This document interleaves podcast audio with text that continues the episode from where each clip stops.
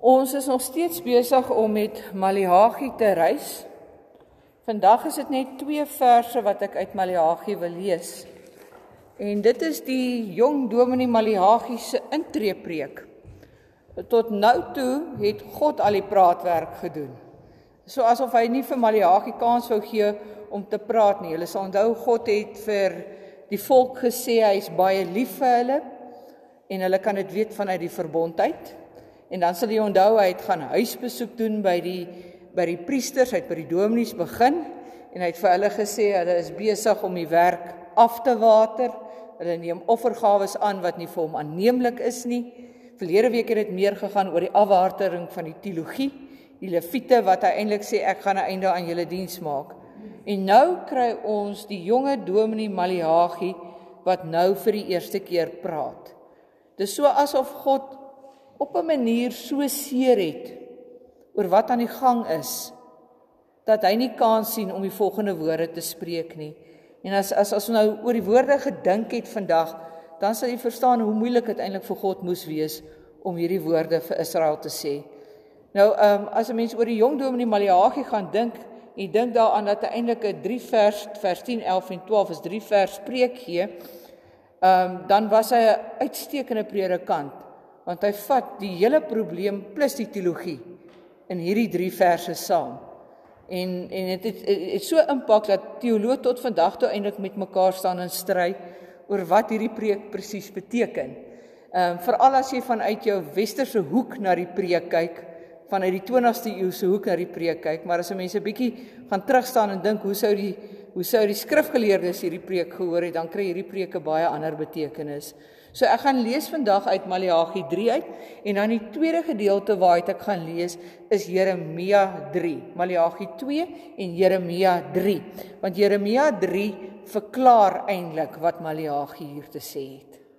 Ehm um, dit verduidelik eintlik waaroor dit gaan. Maar voordat ons dit doen, kom ons bid saam. Here, dankie dat ons ver oggend in u huis hier teenwoordig kan wees. Dankie dat ons uit u woord uit kan lees. Here, hier waar ons ver oggend teenwoordig is, weet ons dat daar 'n wêreld vol mense is wat ook by mekaar kom oor verskillende ure deur die loop van hierdie dag en nag wat voorlê, wat reeds verby is, Here, om te bid, om u naam te loof en te prys. Dit is een groot erediens wat op 'n Sondag losbreek, Here wat U loof en wat U prys. Baie van ons Here is in die bevoordeelde posisie om U te loof en te prys in vryheid. Dankie daarvoor. Maar ons dink ook ver oggend te besonder aan ons broers en ons susters wat nie in daardie voorreg deel nie.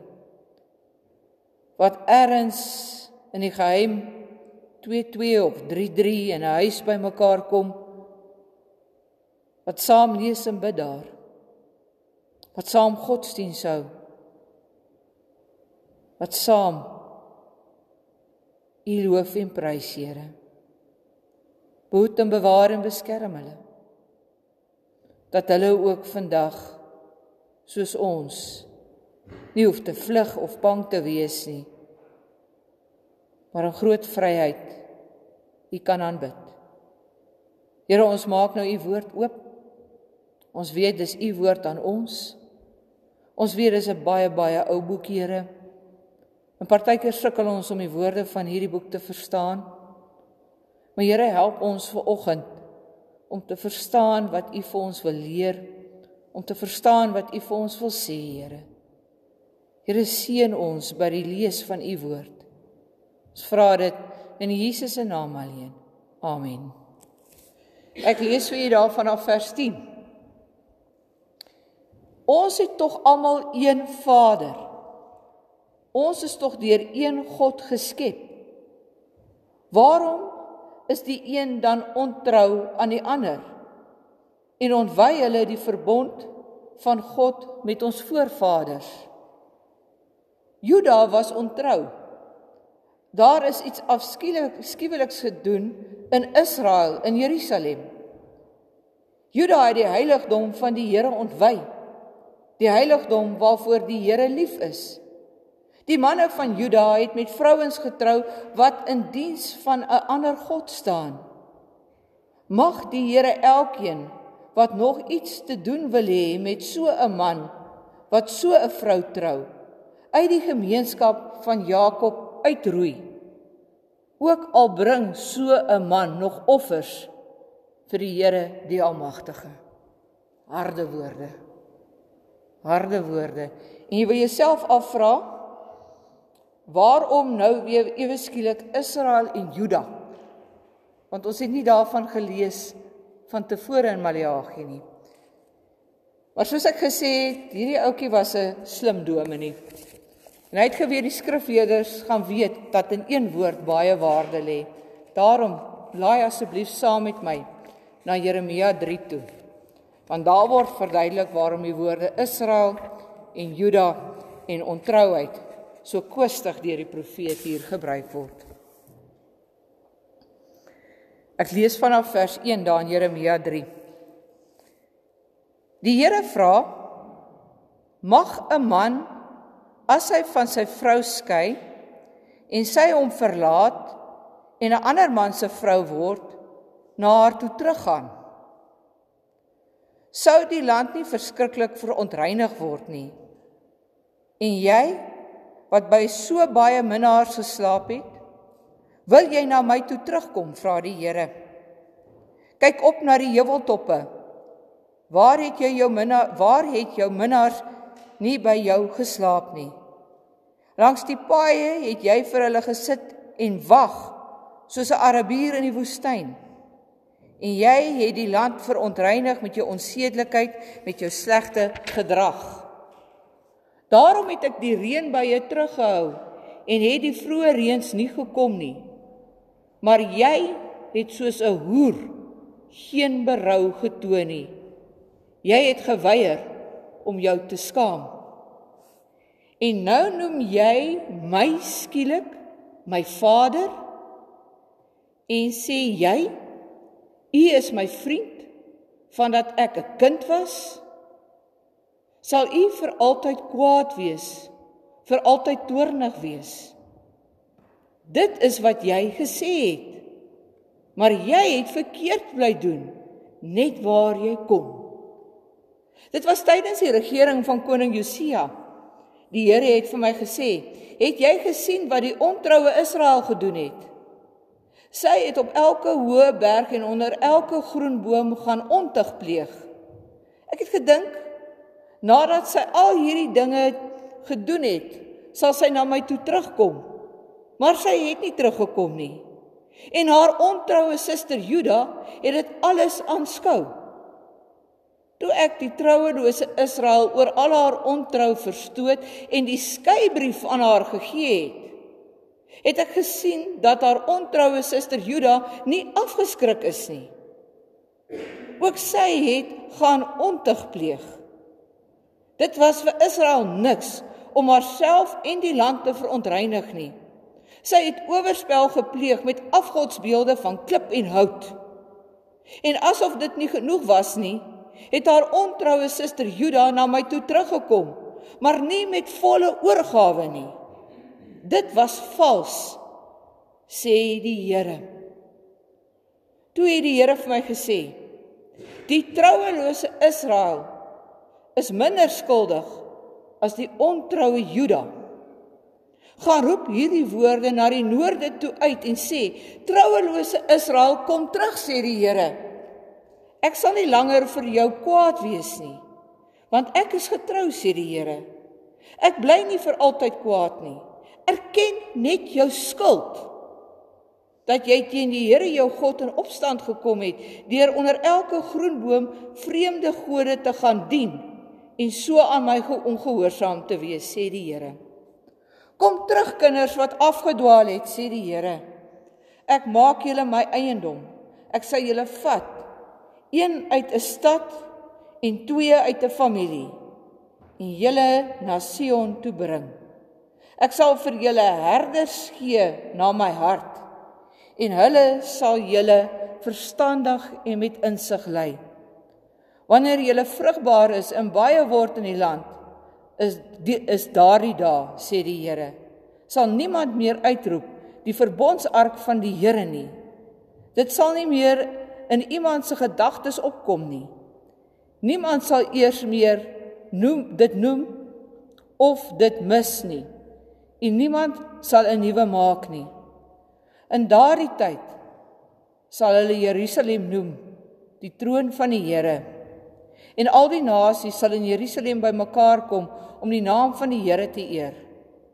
Hulle sal nie hardkoppig bly nie. In daardie dae sal Juda by Israel aansluit en hulle sal saam uit die noordelike landstreek kom na die land toe wat ek as besitting aan hulle voorvaders gegee het. Tot sover. Waaroor gaan dit hier? Dit gaan nog steeds oor God se verbond. God het 'n verbond met Israel gemaak. God het vir Israel gesê, ek sal julle God wees en julle moet my dien. Dis die twee kante van die verbond. En elke keer as die Here hier in Maleagi aan die praat raak, dan sê hy ek is soos 'n vader wat hierdie verbond met julle gemaak het, maar eers het daar iets verkeerd geloop. Dien die volk nie meer die Here met oorgawe nie. En dan gebruik die Here 'n verskriklike interessante beeld om hierdie verbondsverhouding te beskryf. Hy gebruik die beeld van 'n huwelik. Hy sê As ons in 'n verbond met mekaar leef Israel, is dit soos om in 'n huwelik te wees. En as 'n mens nou mooi dink oor wat die Bybel doen, dan praat die Bybel later van die kerk van die Here as die bruid. Weer 'n keer hierdie huweliksverhouding. En as 'n mens mooi oor 'n huweliksverhouding gaan dink, dan weet jy dat daar een ding is wat verskriklik belangrik binne 'n huweliksverhouding is. En dit is dat die twee wat in hierdie verhouding intree, een word. En dat daar nie ruimte vir 'n derde persoon is nie. Die oomblik as daar 'n derde persoon in 'n huwelik intree, dan het ons huweliks ontrou. En dit is waaroor die Here kwaad is vir die volk Israel. Hy sê ek het met julle 'n verbond aangegaan. Ek het met julle 'n kontrak gesluit. Ek sal julle God wees en julle moet my dien. Ek sal julle Vader wees en julle moet my kinders wees. En dan sê hy hierdie kontrak is soos 'n huwelik. Hier is nie plek vir 'n derde persoon nie. En dis juis hier waar die probleem inkom. Want Israel dink hulle kan vir God dien en hulle dink hulle kan die wêreld om hulle ook eer en dien. En die probleem kom op 'n baie interessante manier in die huis van die Here in. En dit gebeur die oomblik wanneer 'n Israeliet of 'n Jood trou met 'n vrou van 'n heidense afkoms. Iemand wat nie 'n kind van die Here is nie. Want wat gebeur in 'n huishouding waar iemand introu in 'n familie in waar die Here nie gedien word nie? Kom ons vat nou 'n heel eenvoudige voorbeeld. As jy vandag besluit jy wil met 'n moslim trou, dan sit daar twee gelowe in jou huishouding. Die moslim kan vir jou sê alles is reg. Jy kan maar die Here dien. Ek sal vir Allah dien. Maar wat gebeur die oomblik as daar kinders in daai huishouding inkom? Volgens die moslimse gebruik moet daai kinders almal vir Allah grootgemaak word. So as jy harmonie in jou familie wil hê, dan gaan jy alleen op die ou en die Here dien en die een met wie jy in 'n verhouding of in 'n huweliksverhouding is, gaan saam met die kinders moskee toe gaan.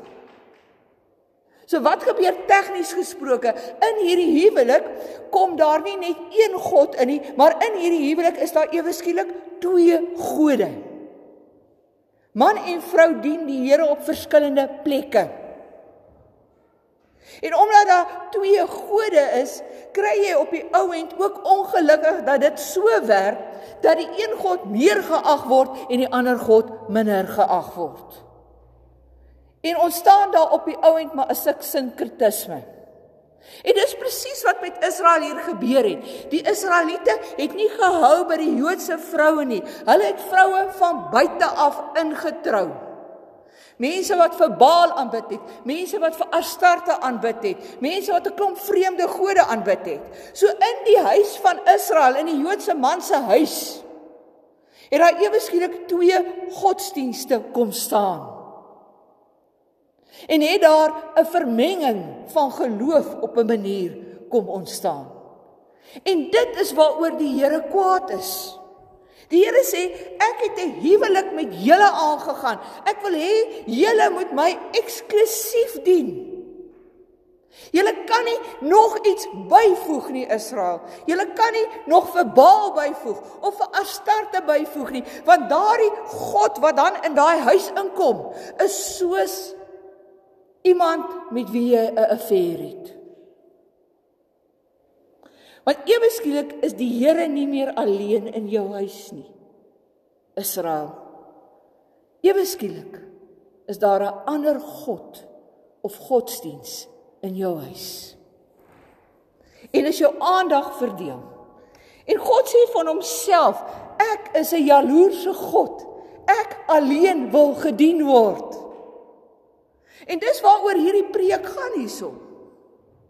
Die preek gaan hier daaroor toe die volk teruggekom het in die land, toe hulle vir hulle vrouens gevat van die omgewing en hulle het vreemde godsdiens in die huis ingebring en baie van die mans het nog gaan offer by die tempel. Maar julle sal nou onthou hoe die offers gelyk het, nê? Die offers was lamdiere en dit was mankdiere en dit was blinde diere gewees. En nou begin die diagnose gegee word van die rede waarom hierdie offers gebring is, soos wat dit gebring is. Die Here sê as jy vir my bo alles lief het, dan gaan jy nie 'n mank dier bring nie, maar omdat al hierdie ander afgode ingekom het, is die godsdiens vir water op die ou end. En het hulle ook nie omgegee wat hulle offer nie. Die Here is eintlik ongelooflik streng daarop dat daar nie vreemde godsdienste binne in Israel ingetrou moet word nie. Dis ontug sê hy. Dis ontug sê hy. En daarom is hy kwaad hier. Hy's kwaad vir die priesters want hulle laat dit toe. Maar hy's kwaad vir die volk wat dink dit is vir hom aanvaarbaar. Nou moet jy verstaan die tydvak waarbinne ons is. Dis na ballingskap tyd wanneer Maleagi aan die gang kom. Voor ballingskap was dit 'n probleem geweest. Hier in Jeremia was dit al 'n probleem geweest. Dis een van die redes hoekom die Here hulle in ballingskap ingesit het. Omdat hulle hom nie meer en hom alleen meer gedien het nie. Hulle het nou al in die moeilikheid geraak. Die Here het vir Israel al 'n skeybrief oor die saak gegee. Bedoelende daarmee Israel bestaan nie meer as volk nie. Die Here het gesê ek skei julle, ek is klaar met julle want julle het so te mekaar geraak met die godsdienste van die omgewing dat julle my lank nie meer dien nie. Die Here klaar skeybrief gegee. Vir vir Juda het hy gevat in ballingskap en het hy nou weer teruggebring. En hulle is skaars by die huis of hulle doen alweer hierdie ding van om te gaan trou met vroue wat met vreemde godsdienste die huis inkom. Wat God se teenwoordigheid in daai huise afwaarder. Dis waaroor dit hier gaan. Die Here sê julle het iets afskuweliks gedoen. Julle het afgode gedien, Israel. Julle het gaan buig voor die Baals en die Astarte. Julle het my heiligdom ontwy. Hier gaan dit nie oor die tempel as ons praat van die heiligdom nie. Hier gaan dit oor die volk Israel. Die Here sê eintlik as te ware, julle het my volk Israel ontheilig deur met hierdie vreemde vroue te trou. Met hierdie vreemde godsdienste te mekaar te raak. En dan kry jy eintlik 'n bedekte waarskuwing hierso. Juda, soos wat ek van Israel geskei het, sal ek van jou ook skei. Dis verskriklik om daaraan te dink dat God by 'n punt kan uitkom waar hy 'n skeybrief wil gee. God wat die God is wat sê ek haat egskeiding. Is die een wat vir sy volk 'n skeybrief wil gee. Wat sê dit is my so erg dat ek nie alleen gedien kan word nie. Ek skei eerder van julle. Ek sluit eerder die tempel se deure toe. En as 'n mens mooi daaroor dink, dan moet jy raak sien wat vir God ongelooflik belangrik is. God en hy alleen wil gedien word. As jy in 'n verhouding met God is, dan is God jou hoogste prioriteit. Dan word daar niks naas God geplaas nie. God en God alleen word gedien. En nou kan ons vandag vir mekaar sê Ons trou nou nie met die vreemde volke om ons nie. Ons kan vir mekaar sê maar die grootste deel van hierdie land se mense is Christene. Ons is nie skuldig aan hierdie goeie nie. Ons het nie 'n afgod gaan maak nie.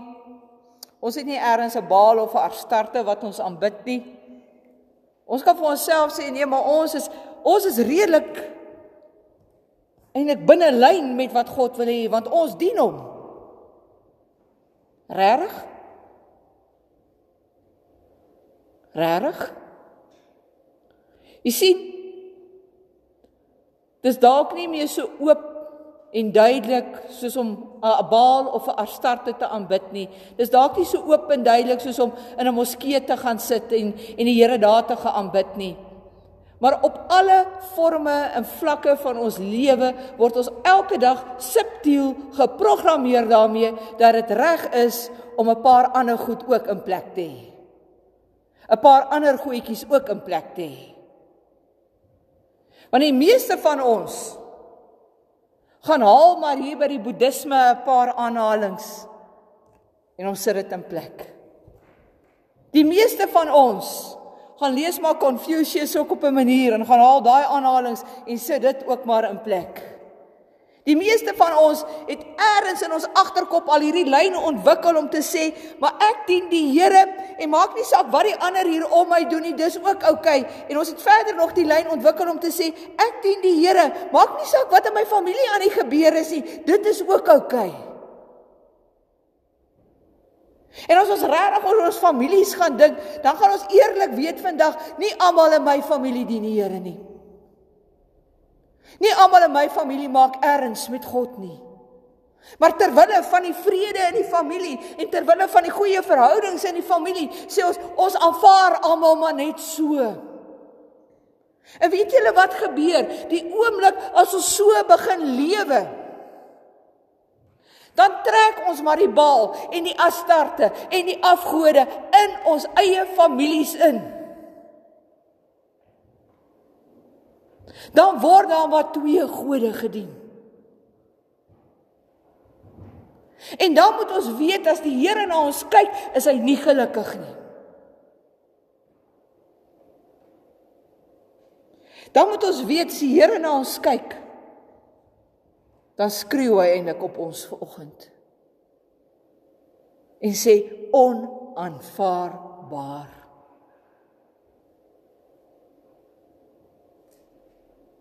Onaanvaarbaar dat dit vir my reg is dat ek ergens 'n broer of 'n suster het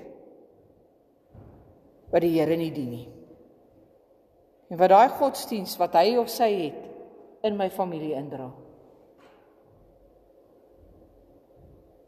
Want dis die eerste stap na sinkretisme toe.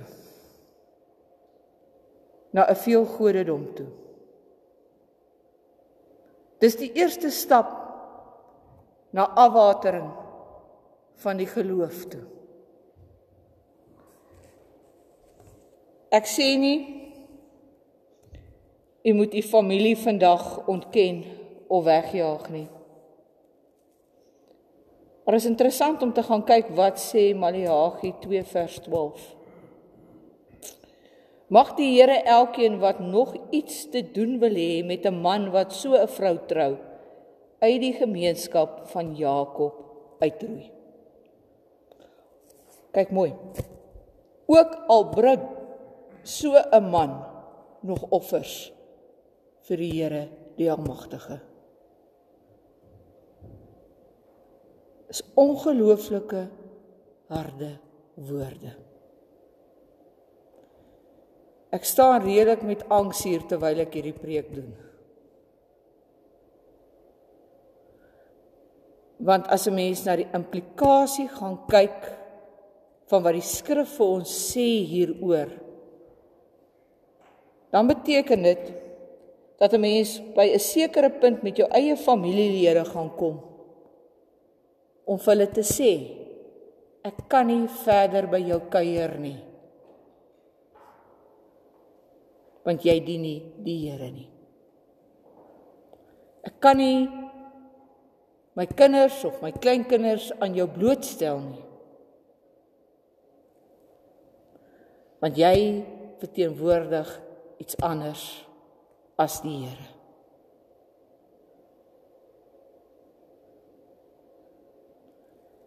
En vriende glo my. Dis een van die pynlikste dinge wat jy in jou lewe met jou eie mense kan doen. Ek was daar. Ek moes dit vir my broer op 'n kol in sy lewe gesê het. En ons het vir amper 2 jaar nie met mekaar gepraat nie. En in daai hele 2 jaar wat ons nie gepraat het nie, het dit nie gemaak dat ek minder lief was vir hom nie. Dit was net een groot stuk seer. Die Here vra van ons dat ons 'n keuse moet uitoefen. En die keuse wat ons moet uitoefen is dien ons hom. Stel ons hom bo alles. Of stel ek my familie gelyk aan God?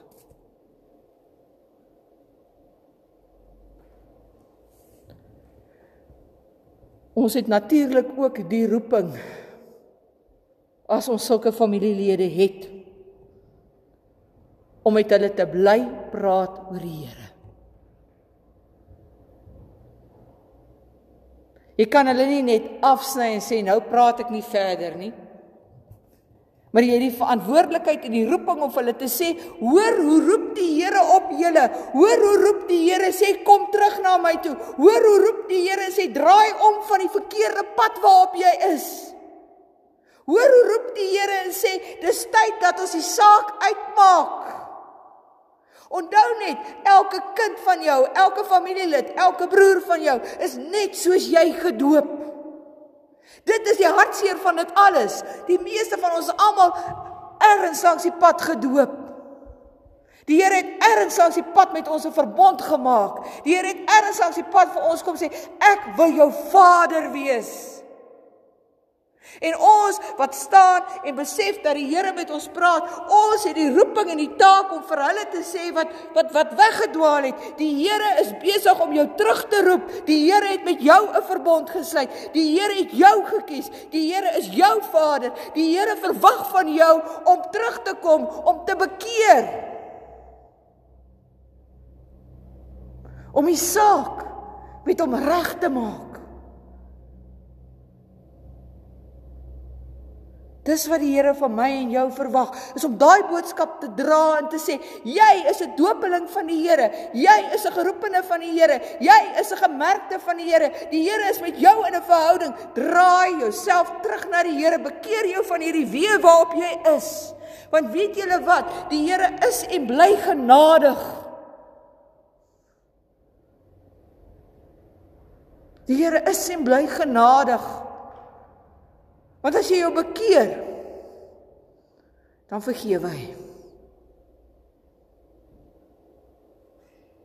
En as 'n mens mooi gaan kyk wat staan in Jeremia 3, daai laaste gedeelte, dan kom jy agter daar was mense uit Israel wat hulle bekeer het. Jy kom agter daar was mense uit Juda wat hulle bekeer het. Die Here het daai volk weer bymekaar gemaak. Die Here het hulle teruggevat Jerusalem toe.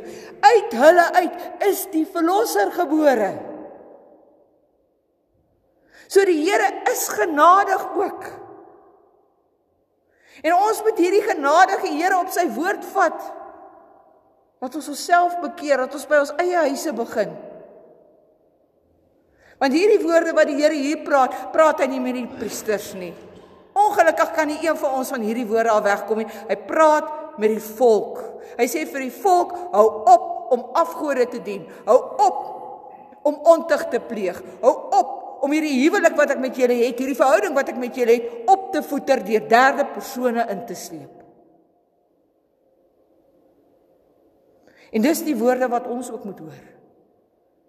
Hou op om die ekstras wat jy saam met die Here voeg in hierdie verhouding in te dra. Hou op om te dink die Here en nog iets. Die Here is genoeg.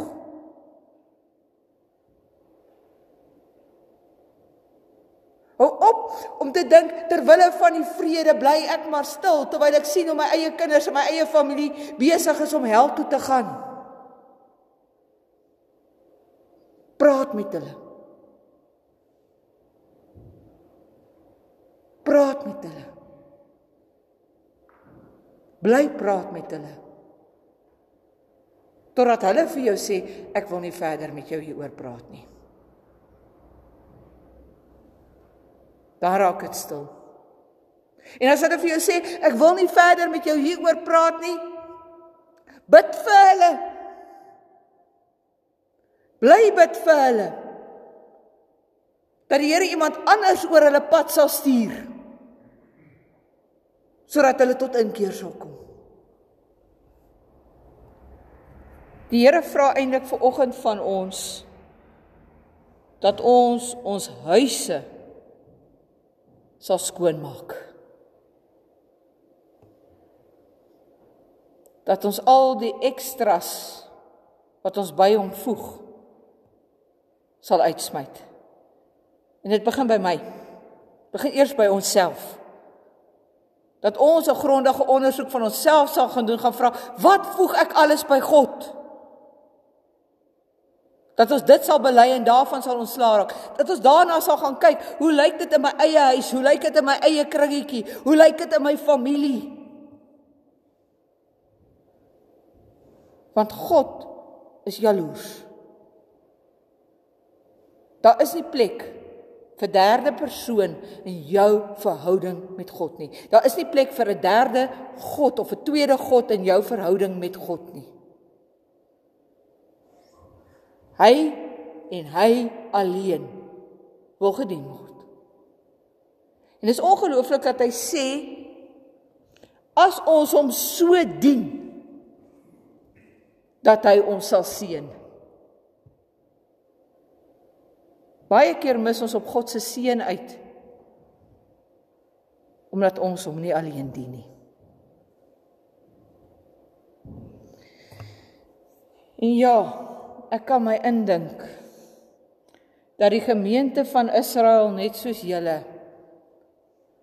ongemaklik in julle banke rondgeskuif het. Toe Jeremia of toe toe Maleagi hierdie preek gelewer het. Dis een van 'n absolute ongemaklike dele in die Bybel wat 'n mens eerder nie wil hoor nie. Maar as jy rondgeskuif het en as jy ongemaklik ver oggend voel, moet jy dalk hoor dat die Heilige Gees besig is om met jou te praat. En vir jou sê dis tyd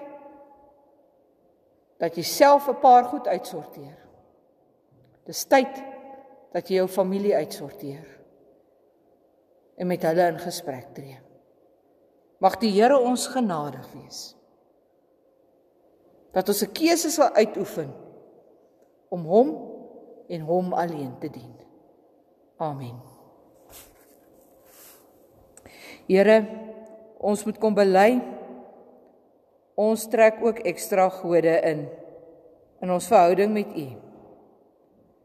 Here, partykeer is dit nie eers godsdienstige gode waarvan ons praat nie. Is dalk nie 'n ander geloof nie, Here. Maar Here, is dalk net die manier hoe ons ons tyd en ons aandag toedeel en verdeel. Spandeer dalk Here meer op 'n TV se kyk, op sport, op ons vriende as wat ons op U spandeer, Here. Elkeen van ons het maar goed in ons lewe wat eintlik belangriker as U is. Here, help ons om daardie goed raak te sien. Here, help ons om daarvan af weg te draai en daarmee te breek. Sodat ons ons volle aandag en fokus aan U kan wy. Here vergewe ons daar waar ons toelaat dat u aanbidding afgewater raak in ons eie families waar mense intree familielede intree met allerlei ander maniere van doen Here Here help ons om teen teenoor hulle te kan gaan staan en te kan getuig van wie U is. Here berei hulle harte voor om U stem te kan hoor. Here